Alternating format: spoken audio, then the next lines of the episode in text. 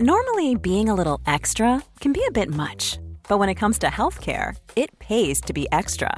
And United Healthcare makes it easy with Health Protector Guard fixed indemnity insurance plans. Underwritten by Golden Rule Insurance Company, they supplement your primary plan, helping you manage out of pocket costs without the usual requirements and restrictions like deductibles and enrollment periods. So when it comes to covering your medical bills, you can feel good about being a little extra. Visit uh1.com to find the Health Protector Guard plan for you.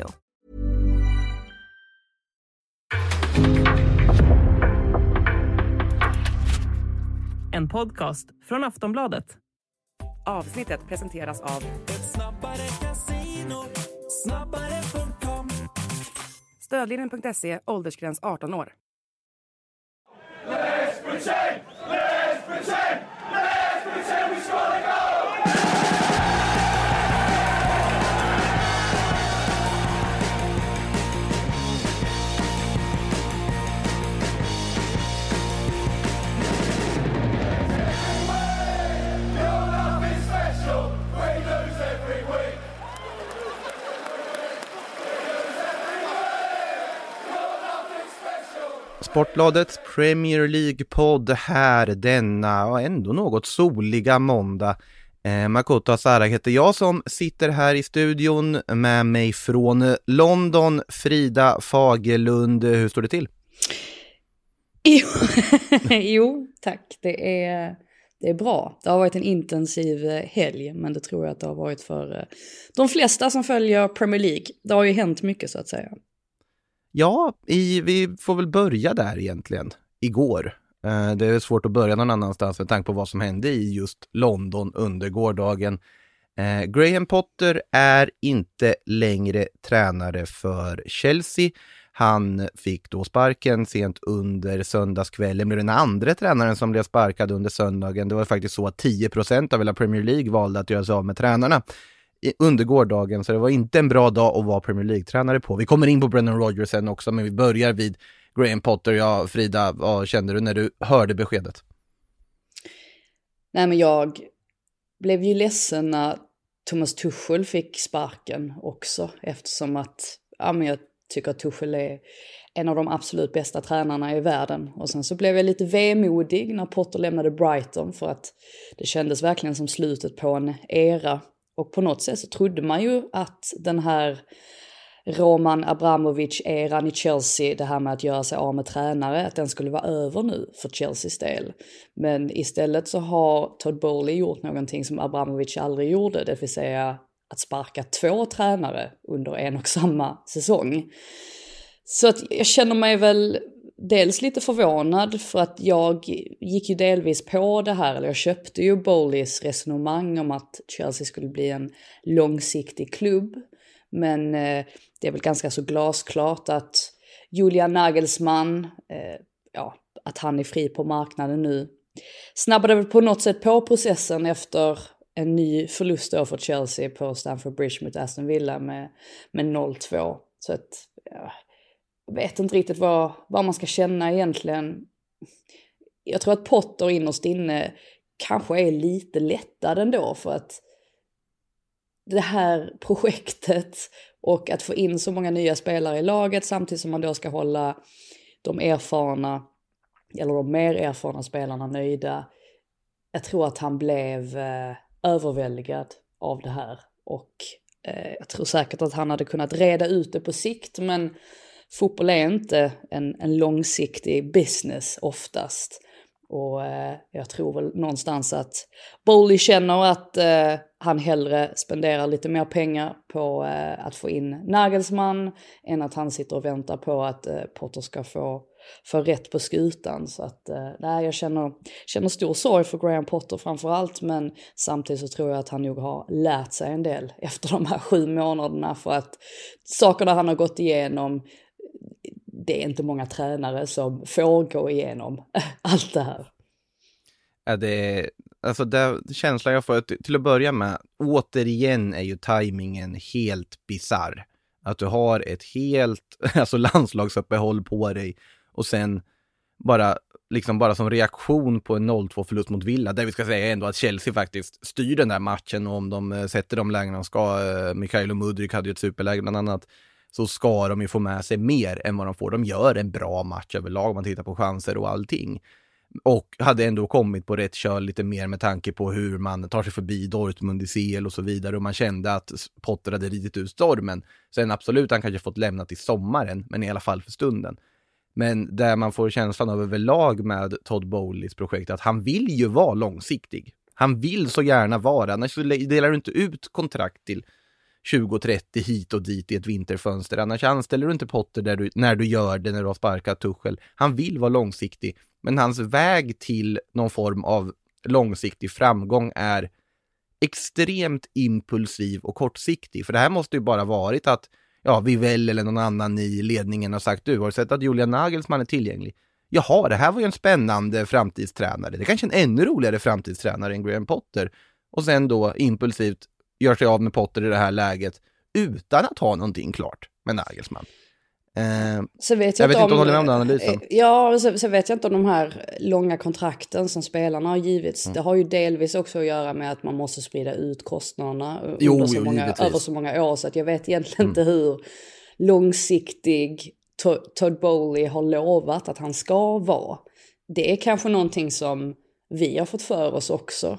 Att han hela tiden har, har tänkt att ja, men Graham Potter vill plocka in honom för att han är en, en, en framgångsrik, eh, lovande tränare. Men att han någonstans i bakhuvudet ändå har haft att ja, men skulle, skulle Potter misslyckas där framåt vårkanten eller om det fortfarande inte ser speciellt bra ut så kommer vi inte dra oss för att göra en förändring. Eh, jag vet inte, jag sitter mest och tänker att jag tycker det är lite sorgligt också på något sätt. Alltså det är så många tränare i, som har fått sparken den här säsongen i Premier League. Det är fler än, fler än någonsin faktiskt. Mm. Och det visar ju också på något sätt att Premier League bara är business. Att eh, man måste få resultat snabbt. Att klubbar tjänar mer på att göra sig av med en tränare och plocka in en ny. Eh, än att ja, hålla fast vid den man har och försöka rida ut stormen. Eh, å andra sidan så Brennan Rogers fick ganska många månader på sig att, eh, att få ordning på sina grejer i Leicester. Så att det gäller väl inte för samtliga klubbar men eh, nej, jag, jag känner med, eh, med Potter en, en morgon som denna. Eh, särskilt med tanke på att han nog hade en väldigt bra tillvaro i Brighton. Men med det sagt så återigen, man lär sig nog väldigt mycket av att arbeta i en, i en storklubb, även om det så bara är sju månader. Och det ryktas ju redan om att Potter ska ta över efter Rodgers i Leicester, alternativt då Tottenham eftersom att Chelsea ser ut att få Nagelsmann. Eh, ja, vem är vinnaren i detta? Är det Thomas Tuchel som sitter i München nu och, och småler efter att ha besegrat Dortmund och ja, han ser att, att Bowleys projekt fortfarande inte bär frukt. Det kanske är han som mår bäst en morgon som denna. Ja, alltså Tuchel är väl den stora vinnaren i alltihopa på något sätt. Eh, det, det, nej, jag, jag, är också så lite så här slut på ord, man liksom blir så fascinerad över hur, vad Chelsea har satt sig i för sits här. Eh, det är många som såklart har frågat om eh, framtid för diverse tränare. Man tar just, stannar vid Chelsea här. Eh, Johan Klott som påpekar, Nagelsmann är betald av Bayern tills han tar ett nytt jobb. Han kommer därför inte ansvarslöst hänga sig in i något projekt, ännu mindre ett projekt i kaos. Läs Chelsea, ville bara spara alla lite tid här. Samtidigt, ja, Chelsea med tanke på resurserna de har och så vidare och truppen de har, det är ett spännande projekt. Men jag håller ju med om att precis som Graham Potter, tycker jag, ska bara unna sig en semester nu. Bara stäng av telefon och allting. Åk till jag vet inte om Potter är en eh, alltså alpsemester eller solsemestermänniska, men oavsett, välj vad, vad som passar honom. Ta ledigt och vila. Jag säger samma sak till Julian Nagelsmann, att båda de här kommer ha anbud att välja på till sommaren. Det finns ingen anledning att bara spela efter, efter klubbarnas panik och då mm. ta första bästa. Vila ut, titta vad som är intressant i sommaren och välj ett projekt som passar. Det gäller båda tycker jag. Ja, alltså man ska inte underskatta vilken stor psykisk påfrestning det har varit ja. för Potter, men också hela hans familj. Alltså han berättade ju att under julen så försökte han gå långa promenader med sin fru och sina barn och han försökte titta ut över havet och tänka på annat men han var hela tiden fast i Chelsea och fotboll och taktik och hur ska jag få in alla de här spelarna i laget. Så jag tror att han är helt utmattad och att, ja, jag tycker man har märkt det också på honom att han, har inte riktigt varit den Graham Potter som man är van vid. Han har inte, ja, han har varit lite mer stingslig och det är väl självklart när man har så mycket press på sina axlar och man känner att man, ja, att, att man inte får ut maximalt heller. Att man hela tiden måste stå och säga att jo men titta på statistiken som efter förlusten mot Aston Villa nu, ja men då ligger de ändå på över, vad var det, 2,3 eller någonting sånt i mm. expected goals. Och så finns det ju vissa då som inte, som säger att de inte tror på expected goals och att det är helt irrelevant, men det är ju inte helt irrelevant. Chelsea har ju väldigt ofta skapat mycket, men de har inte haft själva slutprodukten och sen så har de då inte heller varit särskilt bra i sin egen box jämfört med motståndarna. Så att, nej, och jag, om det är någonting han har nämnt väldigt ofta också, Potter då, det, eller som han nämnde tidigt från första början, det var ju att det är inte så lätt när man har en så pass stor trupp som han har haft att tillgå och spelare börjar komma tillbaka från skador och så ska man integrera alla de här spelarna i en startelva.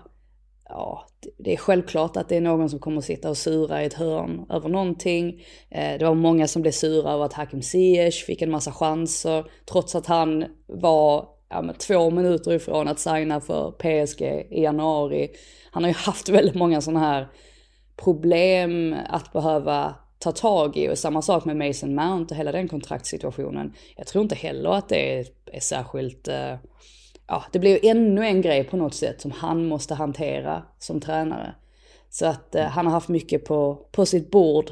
Jag bara hoppas att, eh, ja, att han får lite lugn och ro nu. Och att han möjligtvis då kanske tar över Tottenham i sommar. Det vore ju ganska perfekt ändå. Låta Stellini köra på nu fram till, fram till juni eller ja, slutet på maj och att Potter sen kliver in. Men jag tror inte han är klar här i alla fall. Jag, jag tänker inte vända kappan efter vinden heller. Och, jag, jag förstår Graham Potter misslyckades här i, i, Chelsea, absolut. Men jag håller fortfarande honom väldigt högt som tränare. Och jag tänker att eh, det är nog rätt så många tränare i världen som hade misslyckats med tanke på alla, alla omständigheter och allt oflyt också han, han har haft i, i Chelsea under de här månaderna.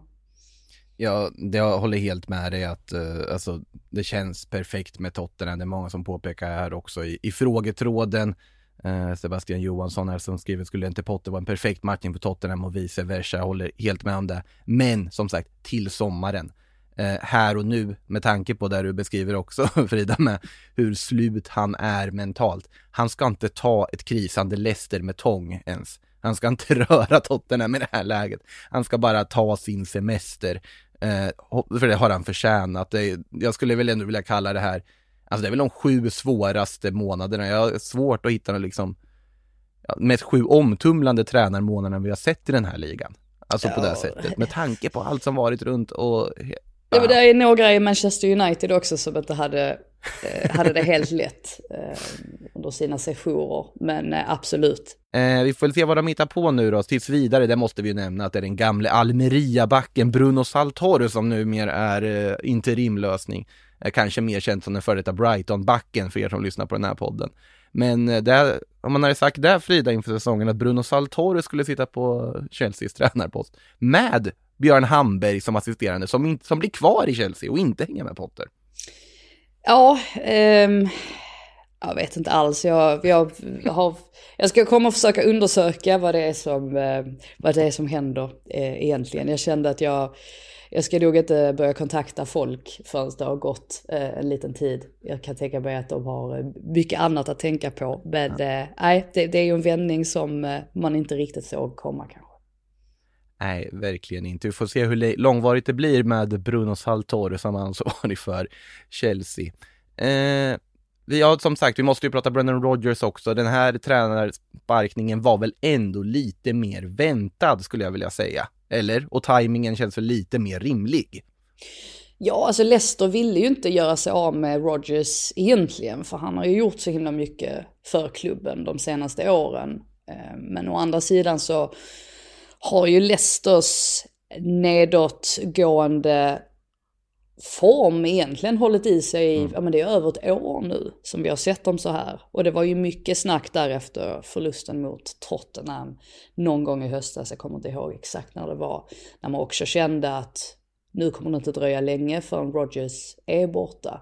Eh, så på det sättet är det ju intressant att man väljer att göra förändringen just i det här läget. Men man känner väl att det är så pass viktigt att klara sig kvar i Premier League att man på något sätt vill få till den här ja, ny tränareffekten som ibland kommer med en sån här förändring. Eh, Rogers, jag tror helt enkelt att lite som när Pochettino tvingades lämna Tottenham, att han på något sätt har nått vägs ände med den här gruppen. Efter ett tag så blir man nog som spelare ganska trött på en tränare om han levererar samma budskap varje vecka och så blir det inte riktigt någon förändring. Leicester har varit bra i perioder. Eh, de har varit eh, särskilt bra när James Madison har varit bra, det har oftast, oftast hängt samman. Sen samtidigt så har de inte riktigt haft det spelarmaterialet för att kunna spela som Rogers vill. Och det är ju någonting han har beklagat sig över under väldigt lång tid också, att han inte har haft de här spelarna han behöver. Och eh, den här, ja, de kunde inte göra så mycket i sommar på grund av ekonomiska bekymmer då, eller av ekonomiska anledningar. Eh, ledningen hoppas väl att man ska kunna städa ur truppen i sommar och eventuellt då sälja spelare och plocka in nytt material. Men ja, det blir ju inte under Rogers då. Jag tycker det är intressant att se vem de plockar in för att jag vet inte om man förut så mycket av att plocka in en krisdoktor. Vi kommer ju komma in på Roy Hodgson sen, men jag ser inte riktigt Hodgson som en krisdoktor likt Big Sam eller ja, någon annan, Tony Pulis, alltså den typen. Eh, så att, eh, nej, jag är spänd på att se vem de plockar in, men ja, det, det var eh, ganska tydligt att det var ett väldigt svårt beslut för Leicester att fatta. Ja, nej, de, de ligger ju näst sist. Det är väl det som fått dem att agera här och nu, att det, det, nu, nu riskerar de på riktigt att, att ryka. Ja. Det är ju just Crystal Palace som, som man förlorar mot här också med Roy Hodgson som... Men i sista minuten också, alltså det är som vanligt med Leicester. Det så här har det varit hela säsongen att de spelar ändå rätt så bra. Och sen så lyckas de ändå på något sätt sjabbla bort det genom att då släppa in ett mål med någon minut kvar. Och Rogers har ju på något sätt predikat samma budskap efter varenda match att nej men fortsätter vi bara spela så här så är det lugnt, då kommer vi klara oss. Eh, och det har på något sätt spelarna också gjort, särskilt James Madison har stått och sagt exakt samma saker som Rogers har sagt att fortsätter vi bara spela så här så kommer vi klara oss. Jo men till slut så står man ändå där, precis som du är inne på, i botten mm. av tabellen. Det är inte jättemånga matcher kvar så att något måste ju hända i Leicester också, de måste ju vakna upp. Och jag tror att supportrarna är ganska glada över att ha fått bort Rogers för att de blev irriterade på det här ständiga, ja alltså positiviteten på ett sätt, att man på något sätt inte vill, vill se faran. Jag tror att många supportrar har sett faran under lång tid, så att de välkomnar antagligen en förändring. Eh, du nämnde i och för sig Potter förut, är något annat namn som har dykt upp? Nu har väl de flesta rubriker där borta handlat om eh, ja, Potter och Chelsea snarare, men hur, hur ser det ut i Leicester? Är det något annat namn som kopplas samman med dem? Ja, vem var det nu? Det var ju Potter, vem var det mer de hade kikat på? Nu står det helt still i skallen. Det var ett namn till. Men är det något namn vi känner igen? Ja, det var jag. Vad som helst. Absolut, det var, det var ett namn man kände till. Men eh, det var helt... Är Carlos Corberan där och petar igen? Ja, det var inte, hans, det var inte han som, eh, som dök upp i den artikeln jag läste. Men ah, förlåt, nu kommer jag inte ihåg eh, vem det var. Jag tror faktiskt inte att Leicester har någon riktig plan, eller det verkar inte som att de har någon plan. Utan det här är ju någonting som bara har kopplats samman att eh, Potter ryktas ju faktiskt till Leicester för ja, eh, alltså rätt så länge sedan. Eller att han var, han är ju en tränare som Leicester potentiellt då kan, kan se som någon som skulle passa bra in i Leicester. Eh, så att jag tror väl kanske lite att media har dragit sina egna slutsatser. Det är kanske inte Leicester som har kontaktat Potter än, men att, ja, att det borde finnas ett, ett intresse däremellan. Eh, några namn som eh, kopplas samman här som jag noterar, Rafa Benitez, eh, okay. Loco Bielsa, Eh, Ange Postecoglou i Celtic. Eh, Thomas Frank, varför han i hela friden skulle lämna det här Brentford för Leicester kan inte jag riktigt förstå. Jon Dahl Tomasson. Eh, och ja. Poch också där. Tomasson har ju gjort det väldigt bra i Blackburn mm. ju faktiskt. Eh, och gjort sig ett litet namn där som tränare. Eh, nej, vi får väl se vad som händer.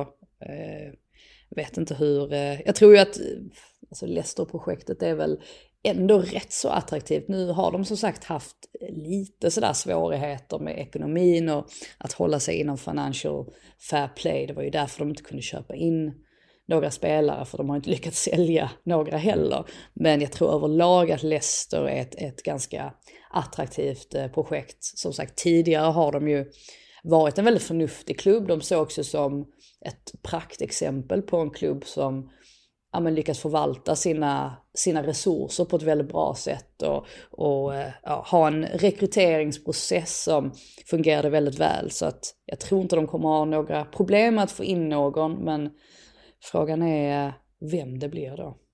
Mm. Vi ska vidare till eh, andra matcher som spelats och så vidare också, men innan vi släpper det helt måste jag fråga, vi har ju faktiskt inte hunnit prata så mycket om eh, Roy Hodgsons återanställning Crystal Palace. Är det något mer du ville säga där Frida? Eh, ja, men lite grann att jag tillhörde inte en av dem som var mest upprörd över att Viera fick lämna. Jag var faktiskt mm. lite förvånad över hur mycket eller hur stor upprördhet det verkade finnas bland folk över detta. Nej, för jag är ju den andra ringhörnan här. Ja, och, och, jag tror inte riktigt kanske att man har, alltså att många av dem som gastade om hur fel det var att Vera fick lämna, jag tror inte de riktigt har sett Pallas spela fotboll den här säsongen. Och om det är någonting jag vet att vi har pratat om här i podden mycket så är det ju att de unga spelarna inte har utvecklats. Tvärtom att de har stagnerat i sin utveckling. Därför är det ju väldigt uppseendeväckande att Esse gör sin bästa match här mot Leicester på, jag vet inte hur länge, kanske över ett år. Om man ska vara riktigt krass. Och jag tror att Esse, han behöver inte speciellt mycket. Han behöver stort förtroende från tränaren, han behöver en bättre självkänsla. Och Roy Hodgson är en sån typ av tränare som kan ge sånt. Han har fortfarande många supportrar i Palace, om man tänker alltså bland personalen och ja, alla som är involverade runt omkring och inte minst spelarna också. Jag tror, det var någon som skojade om att, eh, ja, att Zaha skulle bli Uh, ja, han skulle bli rädd när han kom in i omklädningsrummet och Roy Hodgson satt där igen. Men jag tror någonstans att till och med Zaha har har väldigt stort, eh, ja, men stor respekt för Hodgson. Mm. Och allting som han har, han har gjort så att, eh, nej, eh, Matetas första mål också sedan augusti eh, som gör segermålet. Så att, eh, ja, han lyckades verkligen eh, gjuta nytt, nytt mod i Palace som man inte har sett på ganska lång tid faktiskt. Det är ju smart av honom att säga efter att han ansåg nu segern också vara den bästa insats han har sett som Palace tränare också första matchen in charge här. Ja, och, som jag, och jag menar ja. ju inte att vi är en, en usel tränare på något nej, sätt, nej. men jag tror inte att hans filosofi gifte sig särskilt väl med vad Palace ledning såg för Palace. Och jag tror att det var ett mm. misstag från första början att ja, han var inte Palace första val och det märktes alldeles för mycket. Är man inte på samma tänkte säga samma sida, som, jag tänkte på same page som, men ja, man kan väl säga, är man inte på samma sida som ledningen så blir det väldigt svårt att lyckas som tränare. Jag menar, kolla bara på Potter också. Eh, och jag tror att det hände i Vera eh, och eh, Pallas ledningsfall också. Mm. Eh, ska vi gå till stora toppmötet från helgen? Det är inte ofta vi går eh, 25 minuter över en podd och eh, inte har då har pratat om en så pass stor match som Manchester City mot Liverpool. Men det har vi med tanke på det som har hänt under helgen. Eh, storseger för City 4-1. Eh, du var ju på plats Frida och fick se Jack Grealish i sin allra finaste form kan man väl säga. Ja, precis. Jag frågade ju De Bruyne efteråt också vad han tyckte om Grealish och ja, de här insatserna som Grealish har visat upp den senaste månaderna. Och De Bruyne sa ju det man själv tänkte också att ja men Grealish har varit så här bra hela tiden. Skillnaden är att han har börjat göra poäng nu så att ni i media ser det. Och det är ju helt, det är ju helt korrekt. Alltså jag tycker ja. inte att Grealish har varit så dålig som det har gjorts gällande. Eh, man kan stirra sig väldigt blind på siffror och ja, hans missar. Han har ju bränt en hel del får man säga också i, i vissa lägen. Men nej, här var han verkligen toppklass. inte bara det här med att han öppnar upp ytor offensivt och ja, stod ju för en väldigt fin framspelning förutom då målet där han väggade med, med De Bruyne och sen drog in den. Utan också, jag tror att den, det han fick störst jubel för, eller där han till och med fick stående ovationer från, från publiken, det var när han som siste man stoppade Sala vid 0-1 underläge som det då var fortfarande. Eh, Sala gjorde kanske inte, han kunde kanske ha, ha gjort lite bättre när han kom löpande fri med bollen där men att Grealish var den som tog ansvar och rusade hemåt uppskattades av väldigt många. Jag tror inte att man, man ska inte underskatta heller, och det har vi pratat om mycket också, att det tar lite tid att komma in i ett system likt Pep Guardiolas. Vi kommer att snacka om Newcastle också där jag känner mm. lite, lite likadant kring Alain Saint-Maximin, att det har tagit lite tid för honom att förstå hur man spelar i ett organiserat spelsätt jämfört då med att spela under Steve Bruce när man kanske har en lite mer fri roll. Grealish mm. hade en väldigt fri roll i Aston Villa också, medan här så ja, så finns det vissa riktlinjer då. Och eh, nej, det fungerade väldigt bra för Man City framförallt i andra halvleken. Liverpool fick ju första målet och Man City kan ju vara lite eh, ja, lite sådär, eh, ja, inte helt övertygande när det gäller mm. defensiva omställningar. Eh, och det, jag tycker väl att man hamnar lite på hälarna där också när, när eh, Mohamed Salah drar in 1-0. Men efter paus var det aldrig något snack om saken. Och eh, deras spelsystem också fungerar ju väldigt väl nu. Det här med att eh, det alltid är en spelare, eller att högerbacken ofta som det är kliver in centralt. Så att man bildar på något sätt en, en kvadrat med då Rodri och John Stones i det här fallet. Och sen så har man De Bruyne och Gündogan precis framför som utnyttjar de fickorna mellan, i detta fallet, Liverpools mittfält och backlinje det fungerade väldigt bra. Det gör det väldigt svårt för motståndarnas mittfältare att veta vem de ska kliva upp på och så vidare. Så att vi har inte ens pratat om Erling Haaland eh, och det behövdes inte för att det gick hur bra som helst i alla fall. Ja, han såg, satt väl och såg glad ut där uppe i uh, VIP-boxen där när de, när de gjorde mål. Så det var, var bara skönt för honom att vila lite. Ja, Al uh, Alvarez var ju väldigt bra, ska tilläggas. Ja, det är, ju, det är ju ganska lyx att ha en sån liksom argentinsk uh, första forward i landslaget som du kan hova in istället i sånt här läge. Så att det, de klarar ju sig ändå. Det ligger mycket att de, de är ganska bra även utan Håland och det är väl lätt att glömma det, men det, det såg vi ju förra säsongen också.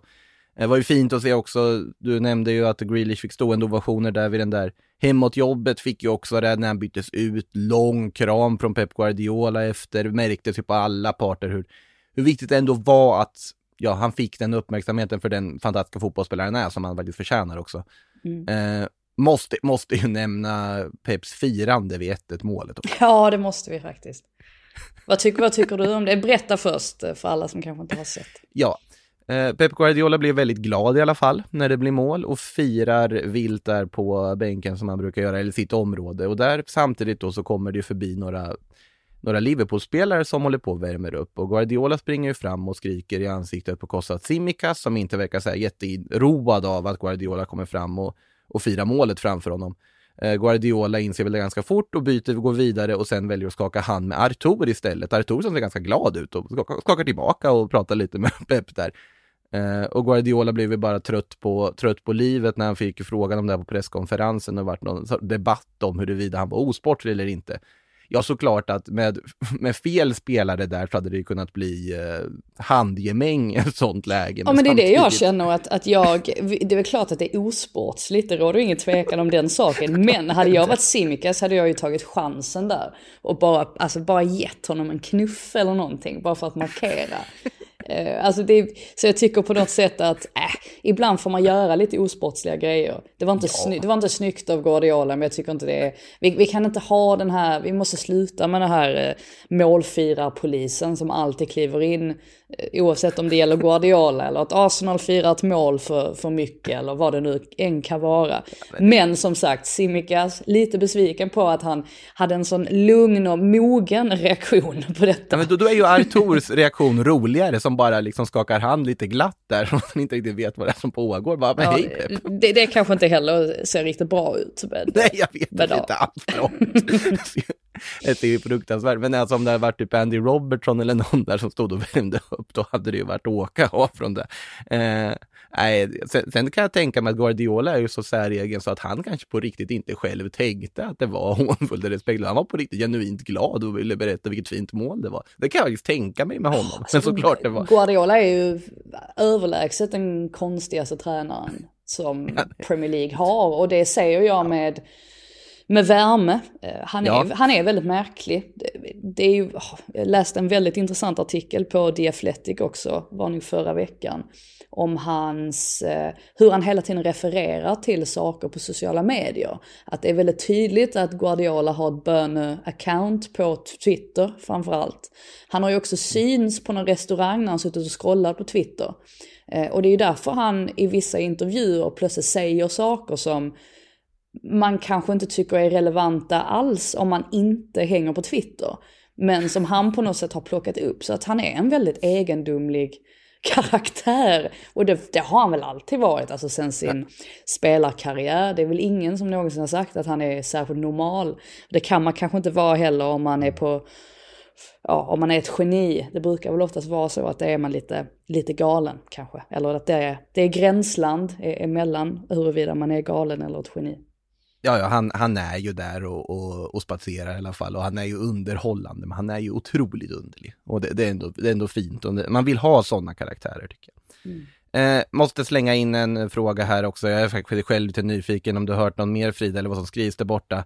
Status på Citygate, blir det något kännbart straff? Det är fortfarande bara liksom folk som förbereder eh, inför rättegång där eller? Ja, det kommer nu, det kommer ta flera år mm. innan det här reds ut. Så att nu har alla, det, det händer alldeles för mycket i Premier League så att nu är det ingen som skriver om det för tillfälligt. Mm. Men vi lär väl eh, säkert se någon update inom snar framtid. Men jag räknar med att det här kommer ta väldigt lång tid innan det ja. utreds helt.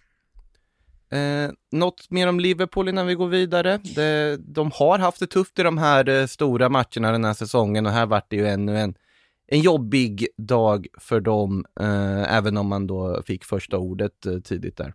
Ja, alltså sen vann man ju i och för sig hemma mot Man City också i oktober. Så att, eh, så att Liverpool fortsätter på något sätt att visa upp två vitt skilda sidor. De, de har ju en väldigt vass offensiv och det visar de i den här matchen också. Att, mm. Och de kan ju såra Man City. Men problemet var att Man City var ännu vassare och att man sitter kanske inte har lika stora problem rent defensivt och i pressspelet som Liverpool nu har. Det är lite grann som att Liverpool är fast mellan två olika versioner av sig själv. Den ena som vill pressa aggressivt och vara den här maskinen som man har varit under Klopp under så väldigt lång tid. Å andra sidan så verkar det inte som att man har tillräckligt med energi för att kunna vara den versionen. Och Jordan Henderson, precis som jag beskrev där med hur Man City ställer upp taktiskt numera så var Jordan Henderson totalt överväldigad centralt och visste inte vem han skulle kliva upp på. Och det skapade också problem. Sen är det ju många som har lyft det här med van Dijk, att han ser inte riktigt ut som den, eller riktigt, han ser inte ut som den van Dijk mm. som han var för några år sedan. Och han har ju fått rätt så mycket skit när han har spelat för Nederländerna också och gamla holländska fotbollsprofiler har suttit och eh, ja, varit ganska hårda mot honom och menat på att, att, han, att han har tappat det eh, lite grann. Att han, han, han har inte den kvaliteten längre som han hade för några säsonger sedan. Så att det är mycket som, det är mycket som inte fungerar i Liverpool just nu jag tror väl på något sätt ändå att den här offensiven gör att man någonstans ändå kan eventuellt utmana om Europaplatserna. Men det är så trångt där uppe nu i tabellen att eh, i, i nuläget känns det som att det krävs rätt mycket. Å andra sidan ska man till Stanford Bridge nu härnäst som ju befinner sig i sin egen lilla kris. Så att det är möjligt att man, att man kan få med sig någonting från eh, den matchen. Men överlag så är det ju inte, det är inte, det är inte jättemycket att hämta i Liverpool just nu. Cool fact a crocodile can't stick out its tongue. Also, you can get health insurance for a month or just under a year in some states. United Healthcare short term insurance plans, underwritten by Golden Rule Insurance Company, offer flexible, budget friendly coverage for you. Learn more at uh1.com. Mm. Eh, som sagt, eh, förlust stort då mot City. City som vann den matchen med 4-1. Men de tog inte in någonting i titelstriden, för 4-1 blev det även för Arsenal hemma mot Leeds United. Gabriel Jesus tillbaka från start och eh, ja, tackade ju för det förtroendet med två av målen. Ben White gjorde ett fint 2-0 mål däremellan och sen slut klämmen satte Granit Xhaka på ett väldigt vackert avslut måste man säga på en smörpass från Martin Ödegård. Ja, en eh, dag på jobbet för eh, The Gunners anno 2022, 2023 kan man väl säga. Ja, det blev ju det till slut i alla fall. Leeds inledde den här matchen väldigt bra. Eh, och det var väl egentligen straffen där i, jag tror det var 35 minuten, som på något sätt gjorde störst skillnad. Eller det var det som var nyckeln till att Arsenal fick total kontroll på den här matchen. Och det är ju Jesus som eh, ja, faller efter att Eiling, väldigt klumpig tackling av Eiling för han träffar ju hans knä. Det såg inte speciellt illa ut vid första anblick men sen på reprisen så ser man ju klart och tydligt att Eiling träffar hans knä och då finns ju ingen anledning, alltså VAR kommer inte gå in och, och eh, ändra på det domslutet. Så att nej, slarvigt av eh, Eiling för att som sagt det gjorde att Arsenal kom tillbaka eller kom tillbaka in i matchen. De fick kontroll över matchen och sen så var det bara, ja, var det bara dem det, det handlade om under andra halvleken. Så att, ja, skönt för Jesus och eh, på något sätt, ja, få göra två mål och verkligen komma in i det efter sin skada. Intressant också att Bukayo Saka inte startar den här matchen på hur länge som helst. Och de klarar ändå av det väldigt bra, Arsenal. Och en stor anledning, till det, det är ju Leandro Trossard som mm. står för en riktigt fin assist också eh, fram till eh, tredje målet. Jag tror att han har sju assist nu sedan han anlände, anlände till Arsenal, vilket är ju helt otroligt egentligen eh, hur fint han har gått in i laget. Och eh, ja, eh, finns inte så mycket att beklaga sig över för Mikael Artetas del. Eh, jag noterar bara att Ben White återigen stod för en riktigt bra intervju med BBC efter matchen när BBC väldigt naivt frågar eh, om han såg Man Citys seger då mot eh, Tottenham om han tittade på matchen innan sin egen match. Varpå Ben White tittar på honom som att han är totalt dum i huvudet och svarar jag kollar inte på fotboll. Eh, han gör ju inte det. jag, jag, jag vet inte. Eh, jag hade, en, jag hade en helt annorlunda bild av Ben White innan jag verkligen träffade honom och satt ner och pratade med honom. Nu förstår jag att han bara är en väldigt relaxed, av, ja men väldigt avslappnad person som verkligen, verkligen, verkligen inte bryr sig om fotboll. Och någonstans kan jag älska det också, att han är så öppen med det, att han inte ens försöker lura någon att han är intresserad. Han är inte det. Han bara kör sitt race och så spelar han för Arsenal och så har han börjat göra lite mål nu. Jag, jag tycker han är hur härlig som helst. Ja, Nej, du, du nämnde ju Trossard där också, måste ju sägas, alltså vilken perfekt värvning det har varit alltså, för, för dem. Alltså man, vis, man visste ju att ja, men det låter passande för att det var precis den här, alltså backup yttern, mångsidiga spelaren som du ville ha till offensiven, men han har verkligen funkat perfekt och fått mycket speltid och kunnat göra så att, ja precis, som du nämnde, att eh, Bukayo Saka till exempel kan vila och så vidare i en sån här match. Eh, och såklart Ben Whites eh, förvandling också till högerback är ju fortsatt anmärkningsvärt positiv. Men det var ändå eh. lite så här, den här, ja men nu är det ju verkligen ett titelrace, vi har pratat om titelracet mm. väldigt länge, men nu är det så pass få matcher kvar att det verkligen börjar ställas på sin spets nu. Och mm. Arsenal visar ju den här matchen just efter att Man City har krossat Liverpool på det sättet som man ändå gjorde då efter dominans i andra halvleken. Att de kliver ut och, och lyckas besegra Leeds på det här sättet också efter en väldigt övertygande andra halvlek. Det visar ju att de, eh, det, det, kan möjligtvis vara så att, att ja, men allting kommer falla på plats för dem den här säsongen. Det, det är lite där, det är lite så man känner i alla fall när man ser dem fortsätta dundra på på det här sättet. Och de har väl, är det sju raka segrar nu?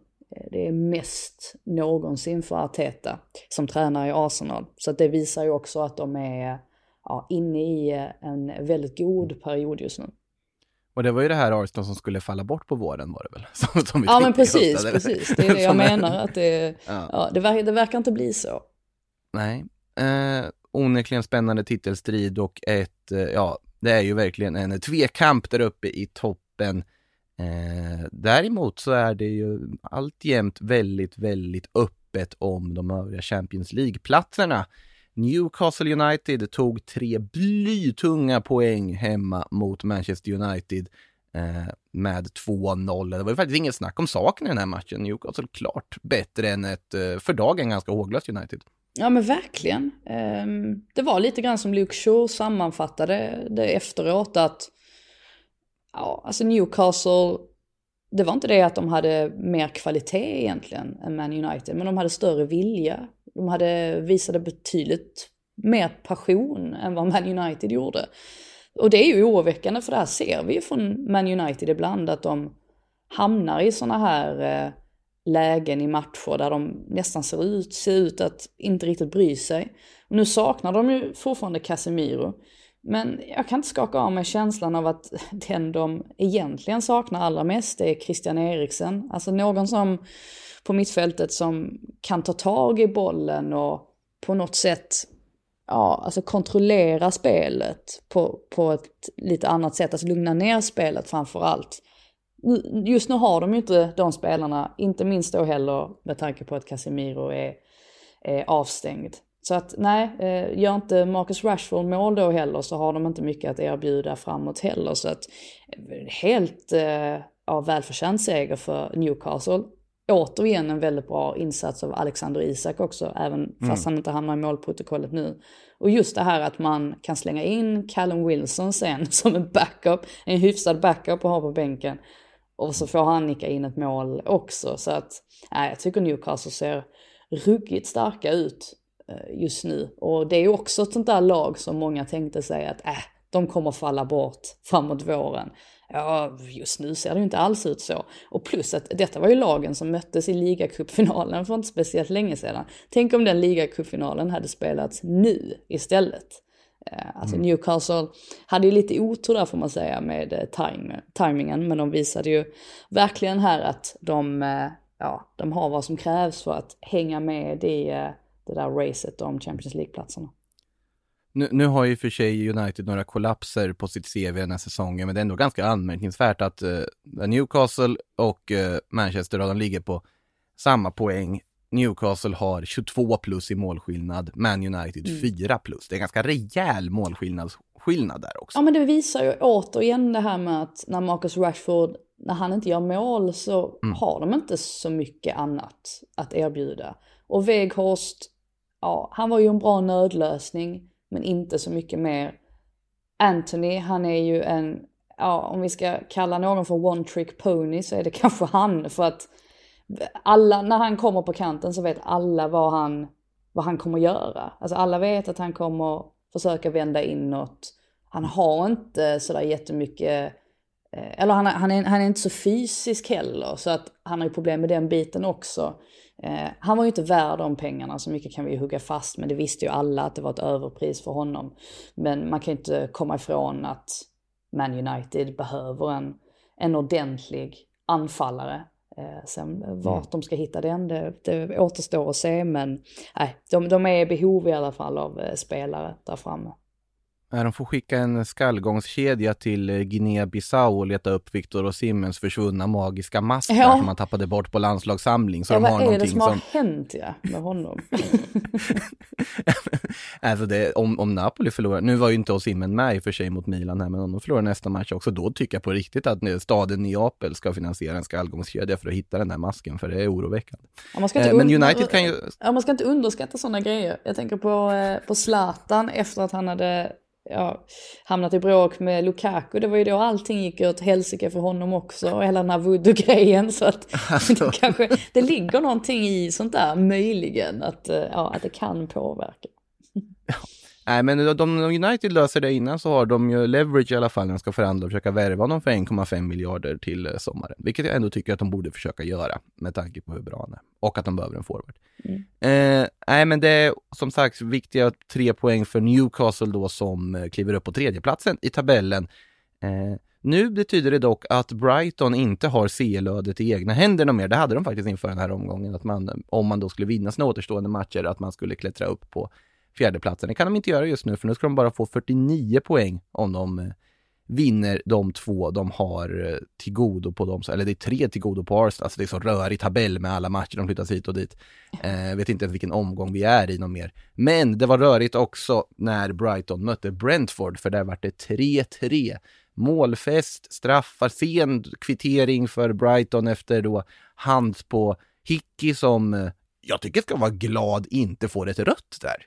Eller? Alltså han stoppar ju en boll från att gå mot mål. Ja, sen samtidigt så, nej. Ja, jo på ett sätt, men å andra sidan kan jag tycka att det är ganska skönt att han inte får det. Jo, eh, väl, så är det ju. Men ja. Han var väl nära att ta ett till eh, på, för nästan en ny hands där i slutet också. Han, man såg liksom paniken i hans ögon när bollen återigen hade tagit på armen, dock eh, klart mer omedvetet och korrekt att inte blåsa en andra straff för, för Brighton där. Men ja, 3-3 Pontus Jansson i målprotokollet till att börja med, bara en sån sak. Ja, alltså först och främst tillbaka i startelvan. Ja, det också. Eh, hans första start sedan oktober. Han har ju hamnat, mm. dels har han haft problem med skador, men sen så har han ju också hamnat lite längre ner i hierarkin än vad jag tror att han hade tänkt sig från, eh, från början. Det har varit mycket snack mm. om honom kring en eventuell flytt tillbaka till Malmö i, eh, i sommar är det väl mm. då framförallt att man tänker sig. Eh, och det är väl inte helt omöjligt tror jag, även om han verkar trivas väldigt bra i Brentford. Men jag tror att han är lite besviken över att det har blivit så pass lite speltid. Men återigen, det hänger ju mycket ihop med, med skadorna också. Eh, men nej, väldigt målrik eh, match. Och intressant också det här med att ja, alltså efter Janssons mål då så står ju Mittoma för ett jättefint avslut till 1-1 där han bara lyfter bollen över David Raya. Och att det är Jason Steele som står för assisten, målvakten alltså. Så att det var ju riktigt snyggt, men sen hinner man knappt Alltså innan reaktionerna efter det målet han lägga sig så hade Ivan Tony dragit in 2-1. 90 sekunder tror jag det var mellan de mm. målen. Så att det var ju verkligen en, en helt galen match mellan två klubbar som man ofta jämför med varandra. De är uppbyggda på lite grann samma sätt. De har ja, lite samma sätt att tänka på, sett till rekrytering eh, och så vidare. Så att eh, jag är framförallt glad över att båda de klubbarna går så starkt i, eh, i tabellen. Att, att det lönar mm. sig att vara sådär förnuftig och, och reko som, som de har varit och att de kan göra väldigt mycket av väldigt små resurser. Jag tycker att det är väldigt, väldigt kul att se. Ja, nej, sen alltså Brighton scoutingverksamhet borde ju alla alla se efter. Jag tycker att både Enciso och Buanotte som eller Bonanotte som man inte hade någon koll på överhuvudtaget som kommer in här gör det också ganska bra liksom när de ändå jagar jagar den här kvitteringen och ändå, ändå för spelet väldigt stora delar av andra halvlek. Eh, De Cherby också som löste anfallsfrågan med, ja inte bara att eh, Ferguson har varit strålande de matcher han har fått chansen, men också nu Danny Welbeck i någon sorts falsk nia-roll som ju var klockren i den här matchen och målskytt dessutom också. Eh, är det två väldigt trevliga, spännande lag med lite olika filosofier på planen kanske. Men, ja, det har man ju. Definitivt. Eh, men två lag som ska vara väldigt nöjda med vad de åstadkommit den här säsongen på sjätte och sjunde plats i tabellen i talande stund. Eh, vad har vi mer för matcher, tänker jag här nu? Eh, ja, vi har Bournemouth ja, också som tog en väldigt viktig seger för, för deras del. Dit kan vi gå till uh, The Cherries som tog en 2-1-seger här mot Fulham. Det var, det var nästan som att Bournemouth kom på sig själv halvvägs in att oj, den här matchen är ganska viktig, jag tror att vi får börja spela fotboll nu. Eh, sen eh, hängde det ju ihop, eh, eh hängde ihop med mycket också att O'Neill är en väldigt bra, eller en skicklig tränare. Han gjorde ju mm. två förändringar där efter paus när han satte in Tavernier och Christie eh, tror jag det var. Och det, ehm, det gjorde att Bournemouth kom in i matchen helt plötsligt igen. Och, och sen så lyckas man då vända och, att vinna. Tavernier gör ju ett jättefint mål, eh, mm. får man säga. Och sen så hävdar Solanke att han är på det där eh, andra, andra målet. Men jag vet inte, jag tycker inte riktigt att det ser ut så. Men han fick målet i alla fall. Han fick att, det. Ja, precis. Så att han, eh, han är nog glad över det, men nej, otrolig, eh, otroligt viktig seger för Bournemouth. Och vilken stämning det var också eh, på arenan. Det var kul att se. Vitality Stadium är väl minsta va? I Premier League om jag inte helt missminner mig. Ja, det lär, Brentford är ju inte speciellt stor heller. Men nej, de, mm. det är en av de mindre i alla fall definitivt. Ja, om, om jag har fel så lär jag få höra det på Twitter i alla fall. eh, som sagt, men ändå 2-1-seger för Bournemouth, alltså otroligt viktig sådan. En viktig seger tog även West Ham United som under söndagen besegrade Southampton med 1-0. Målskytt Naif Aguerd som, ja, skönt för West Ham att ha honom frisk och tillbaka. Han har ju bara konstant varit skadad, men det är ju en väldigt bra försvarsspelare och också matchhjälte här. Men verkligen, han har ju varit en av ljusglimtarna i, i West Ham får man säga den här säsongen. Eh, så att nej, det var kul att han fick eh, hamna i målprotokollet men i den här, den här matchen handlade ju bara om Ja, det var bara tre poäng som gällde och David Moyes vet ju om också att han, att han hänger löst för tillfället. Eh, så att eh, det var inget snack om den saken. Jag tycker att Southampton, de är med i det ganska bra i 20-25 minuter eh, och sen så får eh, West Ham in det där 1-0 målet då och lyckas lyckas eh, klamra sig fast vid den så att, nej, väldigt viktiga poäng för, för West Ham. Och återigen, alltså den där tabellen i botten är ju helt osannolik. West Ham låg ju på nedflyttningsplats inför den här matchen och sen bara seglar de upp till 14 plats.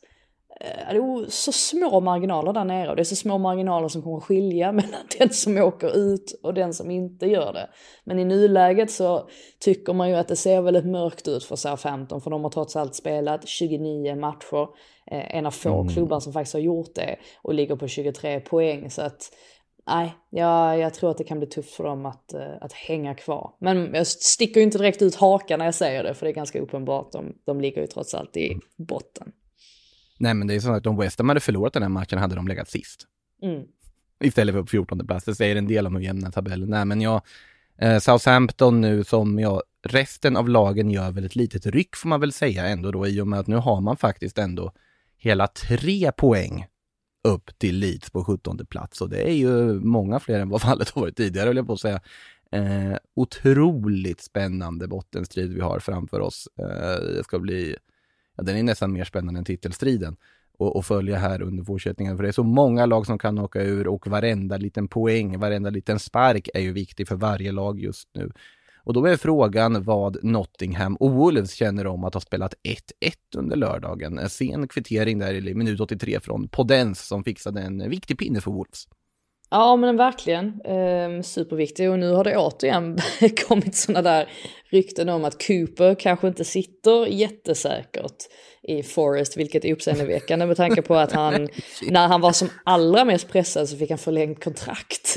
Så att eh, man märker där eh, hur snabbt det kan gå också, men nu har han ju fått mer tid med den här eh, truppen. Men å andra sidan så tycker jag att de, de gör en, en bra match här. Och Brennan Johnson står ju för ett snyggt mål, eh, kanske inte lika snygg filmning sen som han fick gult kort för dessutom. Eh, sen rött kort för två assisterade tränare, alltså en i vardera lag.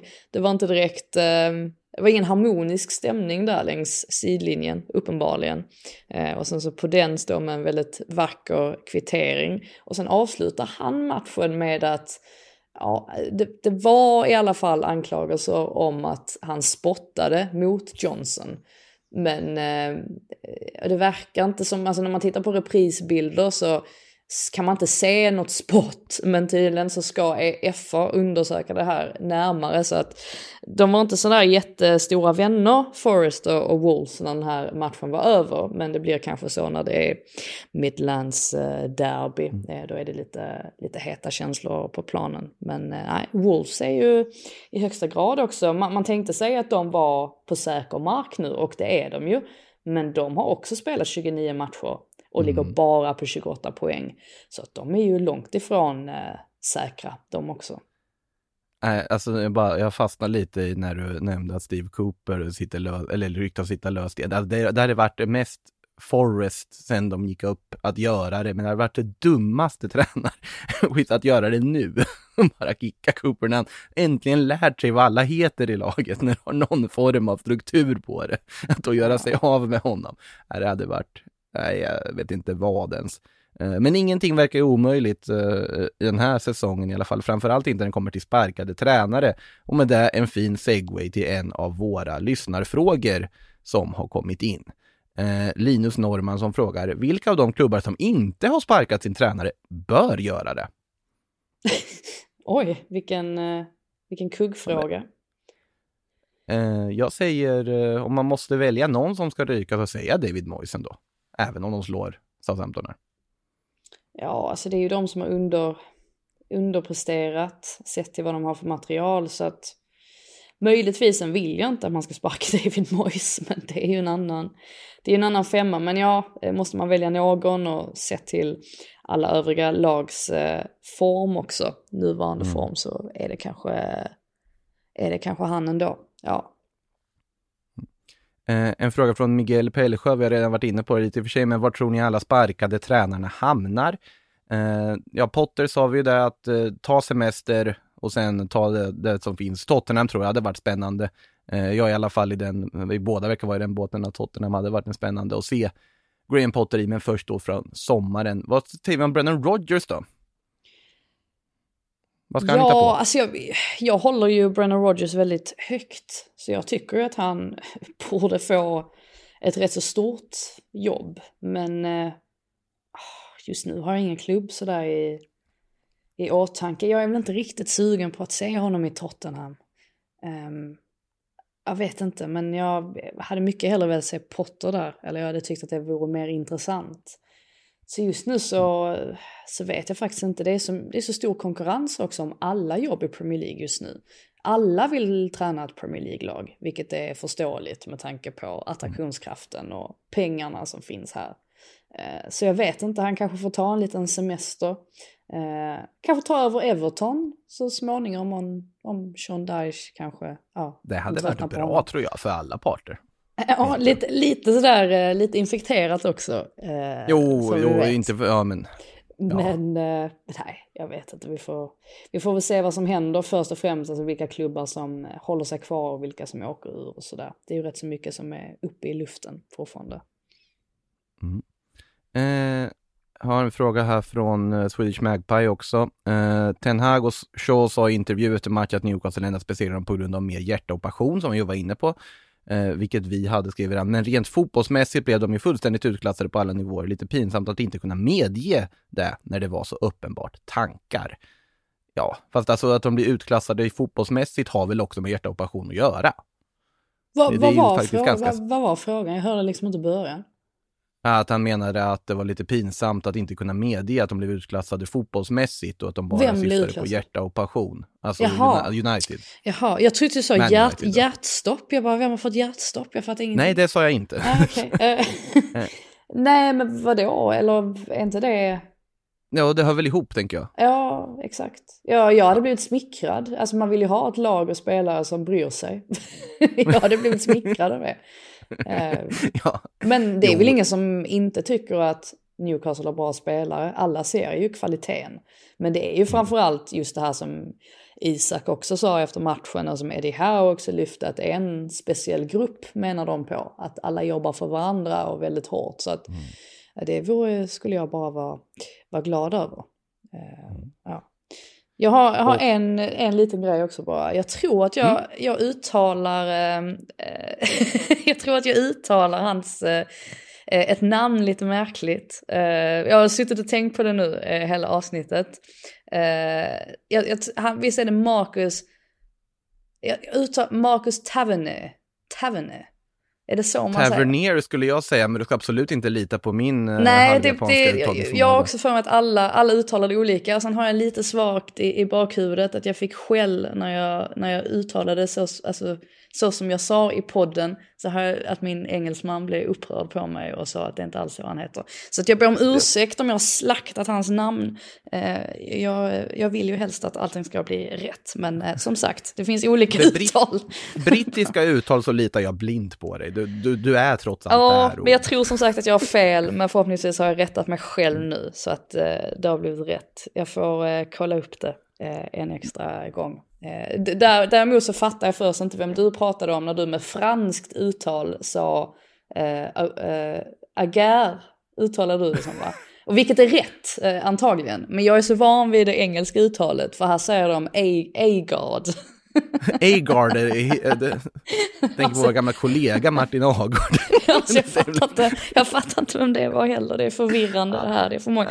Plus att jag säger Potter, så bara för att jag läste Harry Potter när man var liten så blev det ett svenskt uttal på Potter. Harry Potter. Ja, jag, kan, jag går inte runt och säger Harry Potter direkt.